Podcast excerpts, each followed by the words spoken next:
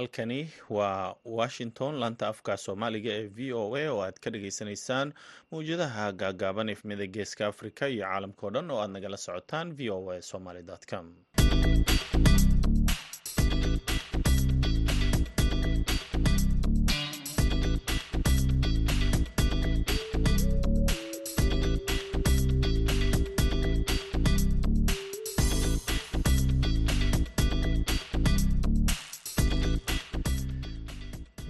wanaagsan dhegaystayaal. Waa kowdii barkii duhurnimo xilliga geeska africa iyo lixdii barkii aroornimo xilliga washington d c. Waa maalin khamiis ah kow iyo labaatanka bisha setembar sanadka laba kun iyo saddex iyo labaatanka. Idaacaddeenna duhurnimo ee barnaamijka dhallinyarada maantana waxaa idinla socodsiinaya anigoo ah cabdulqaadir samakaab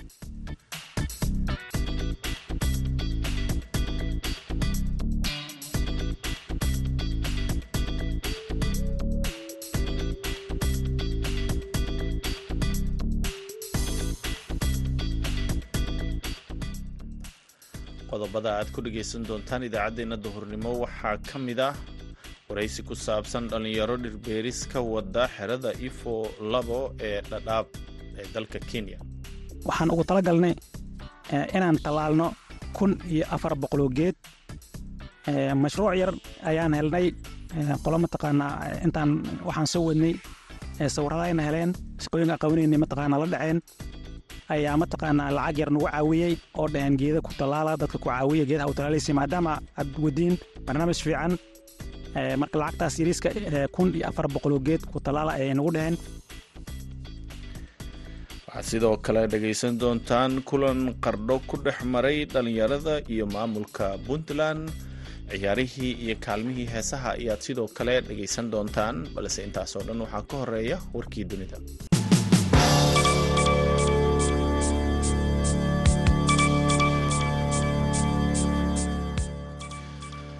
mudanayaasha xisbiga jamhuuriga ee aqalka wakiilada ee maraykanka ayaa lagu wadaa inay toddobaadka soo socda qabtaan fadhigii ugu horreeyey ee lagaga hadlayo xilka qaadista madaxweynaha maraykanka jo biden. Maadaama ay haystaan aqlabiyad aad u yar waa arrin aad u adag inay meel mariyaan xubnaha xisbiga jamhuuriga. Mooshinka ka dhanka ah madaxweyne biden kaas oo haddii ayba ansixiyaan ay maxkamadeyntiisa ka dhacayso aqalka sare ee sanadka guddiga kormeerka ee aqalka wakiilada ayaa la filayaa inay khamiista dambe la faguraan. Eedaha loo jeediyey biden ee ku aadan inuu si qaldan u adeegsaday xilkiisa xilligii uu ahaa. Madaxweyne ku-xigeenka maraykanka isagoo taageero u fidiyey ganacsiyada shisheeye ee wiilkiisa hunter uu ku lug lahaa xisbiga ama xubnaha xisbiga jamhuuriga ayaa sidoo kale ku eedeeyey biden inuu u adeegsaday xafiiskiisa inuu xiriiriyo dadaalada iyo inuu ka ilaaliyo wiilkiisa in baaritaan lagu sameeyo. Guddiyada kala duwan oo ay hogaaminayaan xisbiga jamhuuriga ayaa muddo bilo ah waxay siyaabo kala duwan u baareen eedahaasi hase ahaatee may helin ku filan oo taageerayaasha sheegashooyinkooda ah jerry nadler oo ah mudane ka tirsan xisbiga dimuqraadiga islamarkaana xubinka ah guddiga garsoorka ayaa sheegay in xubnaha xisbiga jamhuuriga ay lacago badan oo ay leeyihiin cashuur bixiyaasha inay u adeegsadeen baarisyo kala duwan oo aan sal iyo raad midna lahayn kuwaasoo ka dhan ah madaxweyne biden iyo qoyskiisa saraakiisha militariga ee ukrein ayaa khamiista maanta ah sheegay in laba ruux lagu dilay qaar kalena lagu dhaawacay weeraro cirka ah oo ciidamada ruushka ay habeen hore ku beegsadeen dhowr magaalo oo dalkaasi ah. Militariga ukrein ayaa sidoo kale sheegay in ruushka uu gantaalo ku garaacay kaabayaasha muhiimka ah ee rayidka ee dhowr magaalo oo ukrein ah gudoomiyaha gobolka kherson. Alexander barkodin ayaa sheegay in duqeymaha ruushka ay ku dhaceen dhismayaal ay dad degan yihiin halkaasoo laba ruux lagu dilay shan kalena ay ku dhaawacmeen. Duqa magaalada kiev vitali kitchenko ayaa isagana sheegay in toddoba qof ay dhaawacmeen islamarkaana ay waxyeelo soo gaareen dhismayaal badan oo caasimadda ah gudoomiyaha gobolka kharkiif ayaa isagana sidoo kale sheegay in weerarada cirka ee ruushka uu ku qaaday halkaasi ay ku dhaawacmeen lix ruux islamarkaana ay burburiyeen kaabayaasha muhiimka ee rayidka militariga ukrein ayaa sheegay inay difaacooda cirka soo rideen.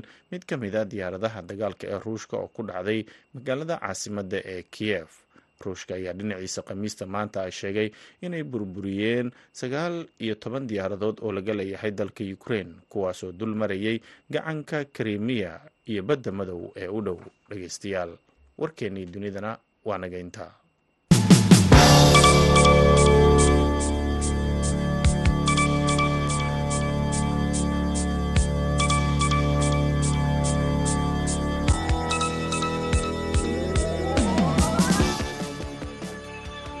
halka aad warkaasi kala socoteen waa idaacadda v o a oo idinkaga imaaneysa washington. Duhur wanaagsan mar kale. Maxamed aadan sugaal oo qaar ka mida dhalinyarada ayaa iyo qaar ka mid a dhalinyarada ayaa mashruuc dhirbeeris ah ka fulinaya xerada ifo ee ifo labo oo saldhig u ah qaxootiga cusub ee abaarta ka soo barakacay ama kaga soo barakacay soomaaliya. Dhirtan ayaa muhiim u ah qaxootiga iyo deegaanka sida ay sheegeen dhalinyarada beereysa aadan anrahde maxamed aadan xasan sarmiye oo hormuud u ah mashruuca dhirta lagu beerayo ayaa arrimahaasi oga waramay wariyaha v ujeedooyinka dhirbeerista oga waramay wariyaha v o eda ee xeryaha qaxootiga dhadhaab ee dalka kenya cabdisalaan aadan salas. Salaan kadib magacayga waa aadan xasan samriya waxaan nahay dhallinyarada ku nool xerada qaxootiga ifo one ilaa iyo kun iyo sagaal boqol iyo kowda ayaan xerada soo galay. Halkaas waxaan ku bartay jaamacad ilaa jaamacadan ku dhameeyey. Marka dhameeyey kadib waxaa igu dhalatay inaan bulshadayda aan caawiyo si aan ugu shaqeeya ama si bilaash ah labada kun sagaal iyo tobankii ayaan bilaabay mashruuc dadka aan macnaha ugu faa'iideynaya bishii hal maalin waxaana talaalay waxaana talaalayna geedo. Kowdii waxaan ku bilownay markaan bilaabaynay mashruuca waxaan ahan labaatan iyo shan ruux. Waxaana bilownay labada kun sagaal iyo tobanka bishii sideedaad dabaaqeediisii.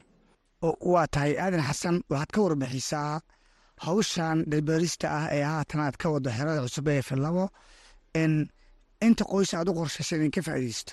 Hawshan inta aan ka wadna waxaan ugu talagalnay inaan tallaalno kun iyo afar boqoloo geed mashruuc yar ayaan helnay.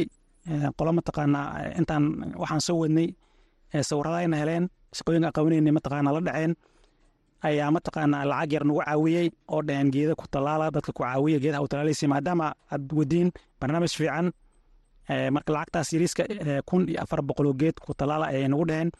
Marka waxaan rabnaa kun iyo afartaas boqoloo geed inaan aan ugu tallaalno dadkan ifotu ah mar dhow soo degeen meesha ay degeenna geedlaan uu yahay. Calagarooba ka baxay calagarobkana waa jireen hadda meel celahay taagan yihiin marka waxaan rabnaa inaan geedahaas ugu faa'iideyno waxaan rabnaa labada maalin kasta konton qoys camal aan rabnaa inaan geed u tallaalno. Waa tahay samriye dhirta aad beereysaan waa dhir caynkee ah. Muhiimad intelex ayay u lahaan kartaa dadkan cusub ee ku nool dhulkana dhirta lehen dharta waa laba nooc waa dhar mataqaanaa miro leh iyo dhar mataqaanaa miro aan lahayn. Kuwa miro aan lahayn waa la hergelaa kuwa miraha lahayna mataqaanaa miro ayay guranayaan marka kuwa miro aan lahayn waa hayada mataqaanaa oo geedaha nagu caawisay na siisay arar dhow la yiraahdo ka shaqeysa ifo dhadhaab ka shaqeyso. Kuwa aan miraha aan lahayna waxaan isku dayaynaa inaan ka soo gadano ilaa iyo gaaris ilaa halkaas aan ka soo gadano oo lacag mataqaana aan la baxno ka soo gadno dadka aan u tallaalno labada waxaan rabnaa dadka inay geedka hoostiisa ay fadhiistaan mataqaana qoraxda iyo dabeesha iyo ay ka galaan. Midkaan miraha lahayna mustaqbalka ay gurtaan. Waa yahay bulshadan cusub ee ka soo barakacay dhulka kala duwan. Faham ma ka haystaan? Muhiimadda ay haatan dhirtan aada ugu deeqaysaan ay u leedahay. Ha annaga naftahayna wacyigelin ayaan samaynay wacyigelin aan samaynay waxaan aragnay dadka inay u baahan yihiin geedahan. Waayo markaan keenno dadka waa nagu soo dudaan. Meeshii mataqaanaa qaabaan u bixinaa waynaa dad aad ugu baahan inyihiin aan ognahay. Hadda nafteeda maanta xaafadda aan keennay markaa qiibin kadib dad ayaa ilaahay anagana ma soo gaarin. Maxaa mataqaanaa anaga fursaddan mataqaanaa welina ma soo gaarin. Marka dadka aad ay ugu baahan yihiin waa geedahan. Waayo qoraxda inay ka hoos galaan iyo in oo miro ay ka gurtaan mustaqbalka ay rabaan. Waa yahay shaqadan qabashadeeda dhaqaalo fara badan ayay u baahan tahay. Haddii ay tahay dhirteedii soo qaadisteedii qaybinteedii bal dhaqaalaha intaa la eg halkee baad samriyo ka heshaan? Saan kuu sheegay marka hore annaga shaqadan waxaan u wadnay si iskaa ah. Annagoo laba aan wadnay joogta aan u wadnay. Waxaan codsanaynaa in nala soo caawiyo qofkii mataqaanaa ka dhaqanaya dadkaas qoraxda fadhiya si ay hoos u galaan si ay miro u gurtaan waana mataqaanaa ajar mataqaanaa aan go-eynin waaya waayo geed mira haddaad tallaasho qofkaas intuu guranaya ajaraa ku socdo. Waxaa jiro hay'ada danaynayo in mataqaanaa arrimahan danaynayo aan wadno. Marka waxaan rabaa hay'adahaas iyo dadka mataqaanaa muslimiinta ama dadka mataqaanaa jecel barnaamijka in nagala qayb qabtaan inay igala soo xiriiraan emailkan samriya at gmail com. Ayaan ka codsanaya in soo xiriiraan sidii bilaash horama ugu shaqayn jiray lacaglaanta ugu shaqayn jiray in haddana dhaqaalaha handaa helo dhaqaalahaas mataqaanaa aan wax ugu qabto. Waxaan ujeedinaya dhalinyarada guribo intaasoo saddex boqol shan boqol ruux lagu jiro intaasoo gurubaan mataqaanaa gelinaya in dadka ay soo baxaan dadka walaalahood ay u faa'iideeyaan inay mataqaanaa si iskaanimo ama mutadaacnimo wax ugu qabtaan. Bulshada waxaa la rabaa inay aqoontooda dib ay ugu celiyaan dadka walaalahood. Fursad haysato waxaa la rabaa inaad dadka aad dib ugu celiso dadka mataqaanaa bulshadii mataqaanaa wax ku soo bartay ama bulshadii mataqaanaa aad ka dhalatay aad fursad siiso bisha hal maalin isbuuci hal maalin in mataqaanaa fursaddaa siiso. Kaasi waxa uu ahaa aadan xasan sabriye oo ka mid ah dhalinyaro dhir ku beereysa xerada qaxootiga ifo labo ee dalka kenya oo u waramayay cabdisalaan axmed salas. Markana qardho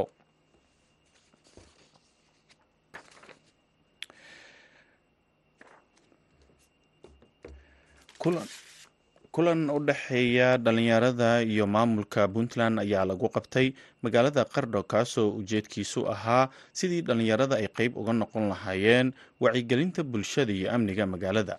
Warbixin arrinkaasi ku saabsan iyo faahfaahinteeda waxaa inoo haya wariyaha v o eda ee magaalada boosaaso yuusuf maxamuud yuusuf ujeeddada kulankan ayaa daaranaa in dhallinyarada ay ka qayb qaataan arrimaha horumarinta bulshada iyo weliba deegaanka sida nabadgelyada iyo bilicda. Iyadoo magaalada qardho maalmihii ugu dambeeyey bulshada ay ka cabanayeen dhallinyaro dhibaato ku haysa bulshada oo xaafad xaafad isku dagaalaysa. Kulankani waxaa goobjoog ka ahaa guddoomiyaha golaha deegaanka degmada qardho iyo weliba maamulka gobolka karkaar qaybaha kala duwan ee dhallinyarada magaaladaasi. Inta uu kulankan uu socday ayaa talo iyo weliba tusaale loo soo jeediyey dhallinyarada magaaladaasi iyadoona loogu baaqay in doorkooda ay ka qaataan wax walba oo ku saabsan sugidda amniga. Guddoomiye ku-xigeenka dalladda dhallinyarada gobolka karkaar maxamed cali shire ayaan weydiiyey ujeeddada kulankan ay u soo qaban qaabiyeen. Assalaamu calaykum waraxmatullaahi tacaala wabarakaatu magacaygu waa maxamuud cali shire guure oo ku magac dheer geljire mahadsanid yuusuf maxamuud yuusuf saaxiib kulankan ujeeddadiisu waxay ahayd sidii dhallinyarada magaalada qardho ay door uga qaadan lahaayeen horumarinta magaalada qardho sida bilicda iyo nadaafadda iyo dhiraynta iyo fayadhowrka kor loogu qaadi lahaa iyo wacyigelinta. Waxaa kulankan soo qabanqaabiyey dalladda dhallinyarada gobolka karkaar ee kulankan inta uu socday waxaa la isla qaatay in dhallinyaradu door muuqda ay ka qaataan horumarinta dalka halka docda kalena ay dhallinyaradu soo dhoweeyeen ayna codsadeen fursadaha shaqo abuur looga faa'iideeyo. Waxaa kaloo laysla qaatay in dhallinyaradu ama haldoorka yihiin hormuudka bulshada.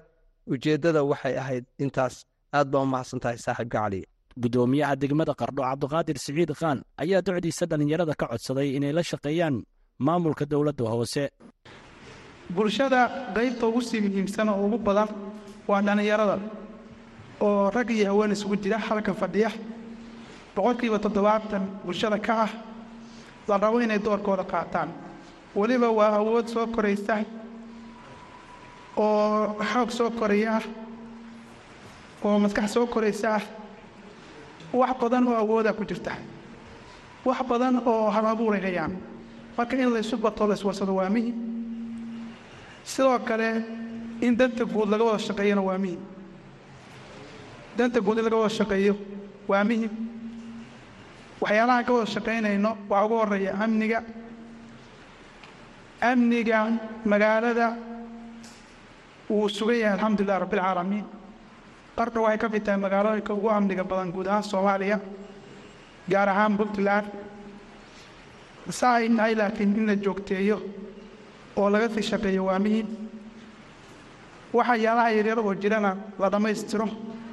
Waxaa lagu dhammaystiri karaa markaynu wada shaqayno oo dhallinyarada xaafaddaa degan iyo haweenka degan iyo waxgaradka degan ay qayb ka yihiin sugidda amniga ay qayb ka yihiin. Ay jiri karto han loo wada shaqeeyo oo warka iyo xogta loo kala qaato. Xogta iyo warka ka yimaada bulshaduna ay tahay mid ilaashan iyaguna ay helaan meelo ay xogta ku soo diraan. Arrintaas waa midib dabcan mas'uuliyiintii ugu sarreeyey amniga oo taliyii qaybta ugu horreeyo oo taliyii saldhigga ugu horreeyo oo taliyii madaxtooyada ugu horreeyo baan la jooga iyagana faahfaahin doona. Laakiin amnigu waxa ugu muhiimsan weeye. Waxaa kale oo muhiim ah wacyigelinta bulshada. Waxa ugu weyn aan ogaaday in loo baahan yahay waa bulshadeenna in la wacyigeliyo xafso cismaan yuusuf oo ka mid a gabdhaha aqoon-yahanada ah ee kulankaasi ka qaybgelayey ayaa ku dheeraatay muhiimadda dhallinyarada ay u leeyihiin hoggaaminta waxayna ugu yeedhay in dhibaatada laga daayo magaalada dhallinyaradana ay iswacyigeliyaan waayo adigan lagaa raba shaqada inaad qabato yaad ku tilmaamaysaa? Waxaan rabaa marka inta dhallinyaraha halkan joogta.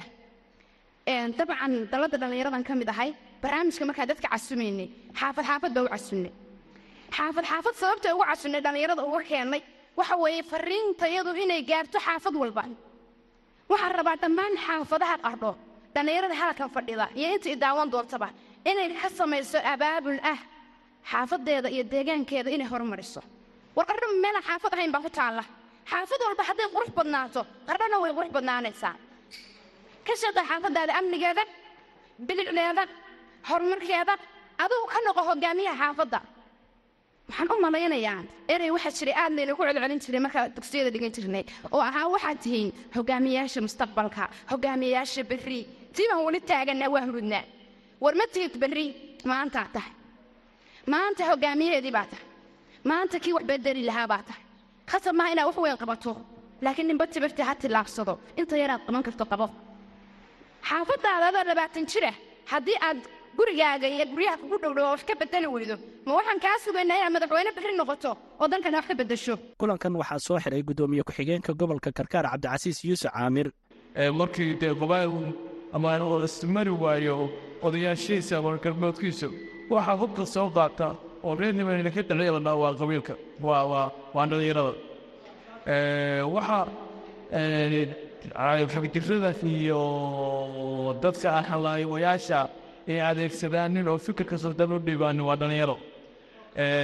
Insha allah markari marka wax kasta saas oo maanta u racan marta wixii wanaagsanna inay saa uga qaataan baa taas waa dhalinyarada waxaan leeyahay xoogooda ilaahay ha tuso aqoontooda ilaahay ha isku xidhnaantooda alla ha tuso iyo qabiilka iyo muwaadiniin la'aantan ilaahay ha ka saaro oo dalkooda allah ha muwaadin yihiin dhalinyarada soomaaliya meel kasta ay joogaaneen. Tankaa loogaa la sii dardaarmayo gaar ahaan dhalinyarada gobolka karkaan waxaan kula dardaarmayaa mustaqbalkii berri ma tihidin mustaqbalka fog ma tihin mustaqbalka hadda taagan baa tihin maamulada qofka dhallinyarada oo ku jira waxaa laga yaabaa wax badan oo dhallinyarada u muuqda inuu u muuqdo sida guddoomiyaha oo kale.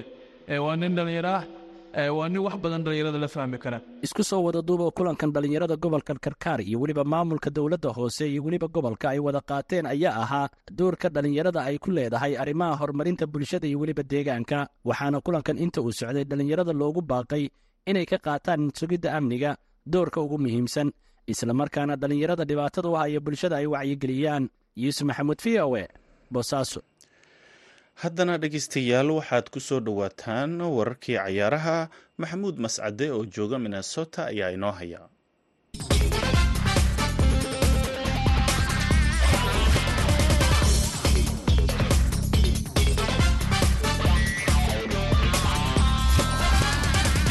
kulan wanaagsan dhegaystayaal dhammaantiinba kuna soo dhowaada xubinta ciyaaraha.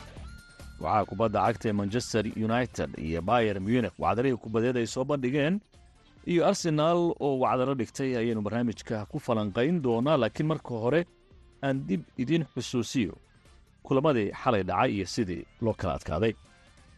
Gruubka ee kooxaha kubadda cagta ee galatasaray iyo f c copenhagen laba iyo laba ayay ku kala tageen bayer munich afar iyo saddex manchester united ayay kaga adkaatay kooxda kubadda cagta arsenal afar yeber waxay ku dhufatay kooxda b s v indahoven oo gruubka b ay ku wada jiraan. Sevilla lens oo faransiiska ah ayay hal iyo hal ku kala baxeen. Grup c real madrid iyo union berlin ayaa kulmay.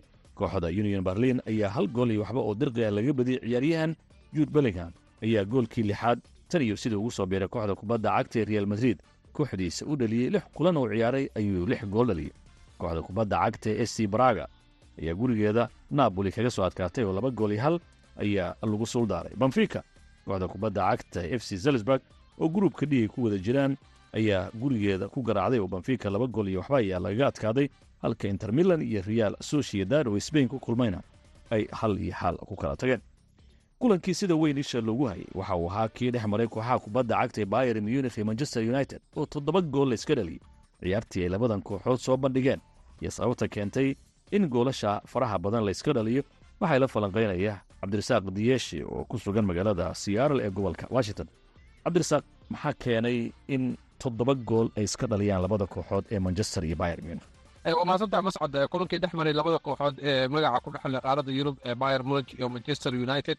Wuxuu ahaa runtii kulan aad u fiican oo aad loo wada sugayey balse golol waxaad moodaa aan la filayn in aad layskaga dhaliyey walow saadaasha ay u badneed inay bali doonto dhinaca bayer munich oo manchester xaaladeeda beryahanba ay si iskaga yara liidatay.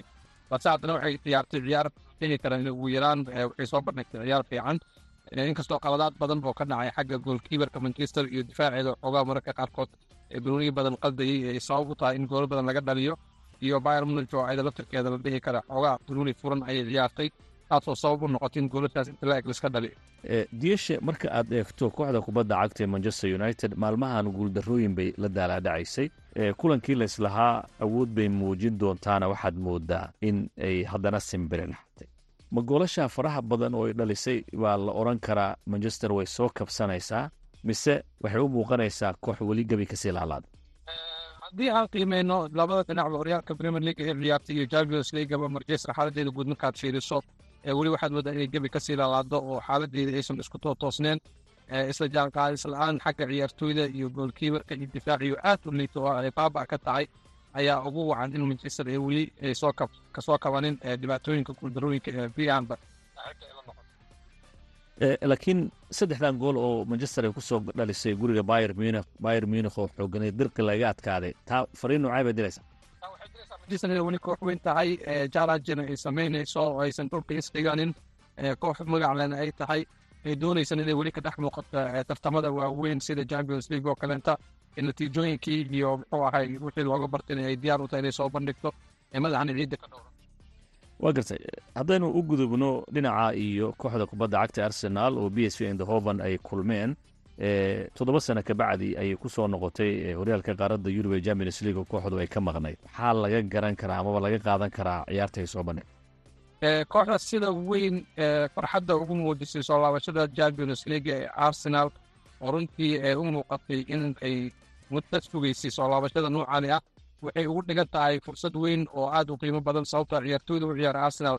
Intooda badan champions league soo ciyaarin marka laga reebo qaar yar oo gabriel jesus uu ka mid yahay ciyaaryahan saaka oo laacibkooda ay odigard oo laacibinta ay ku tashato kooxda goolashooda ugu horreeyey iyo kulamadooda ugu horreeyey champions league ayay ciyaareen maqnaasho dheer kadib oo u dhiganta laba kun saddex boqol siddeetan iyo siddeetan siddeetan iyo sideed maalmood oo ah lix sano muddo la eg ayay ka maqnaayeen tartamada caalamiga ee champions league marka soo laabashadan waxay u tahay fursad dahabi ah iyadoo ciyaaryahanno caalami ahna soo xiisatay sida douglas rice oo runtii sanadkaani rabtay inay wacdara aan horey looga arag inay ka muujiso tartamada yurub dhinaca iyo haddaan aadno kooxda kubadda cagta real madrid dirqi bay ku badisay hal gool iyo waxba union berlin ayay kaga adkaatay.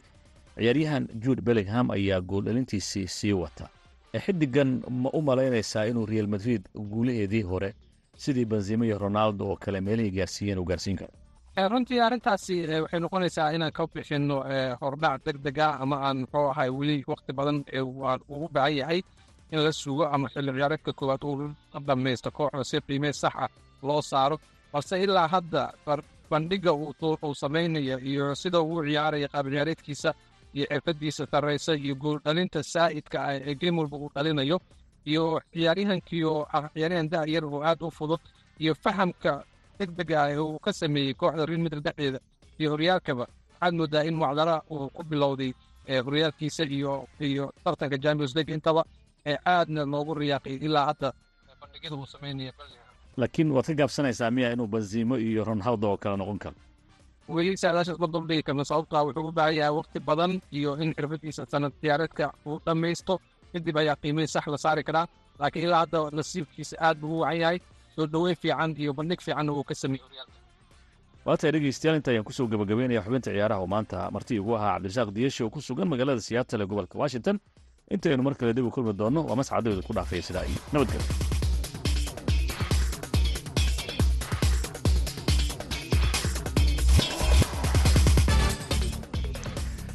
aad ayuu u mahadsan yahay maxamuud mascade oo nala socodsiinayey wararkii ciyaaraha. Haddana waxaad ku soo dhowaataan kaalmihii heesaha iyo codkii xamdi bilan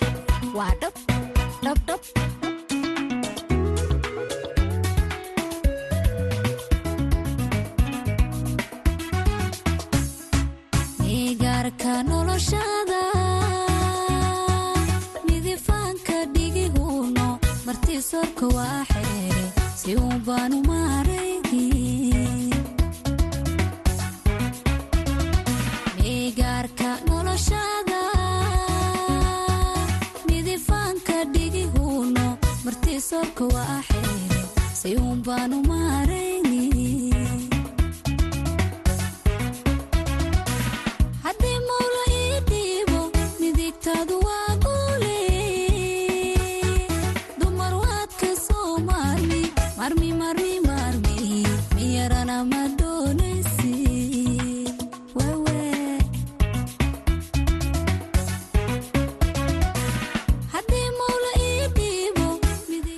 intaasaan ku dhaafna heestaasi waan ku muraad fulin lahaa tiri iyo codkii axmedi bilan.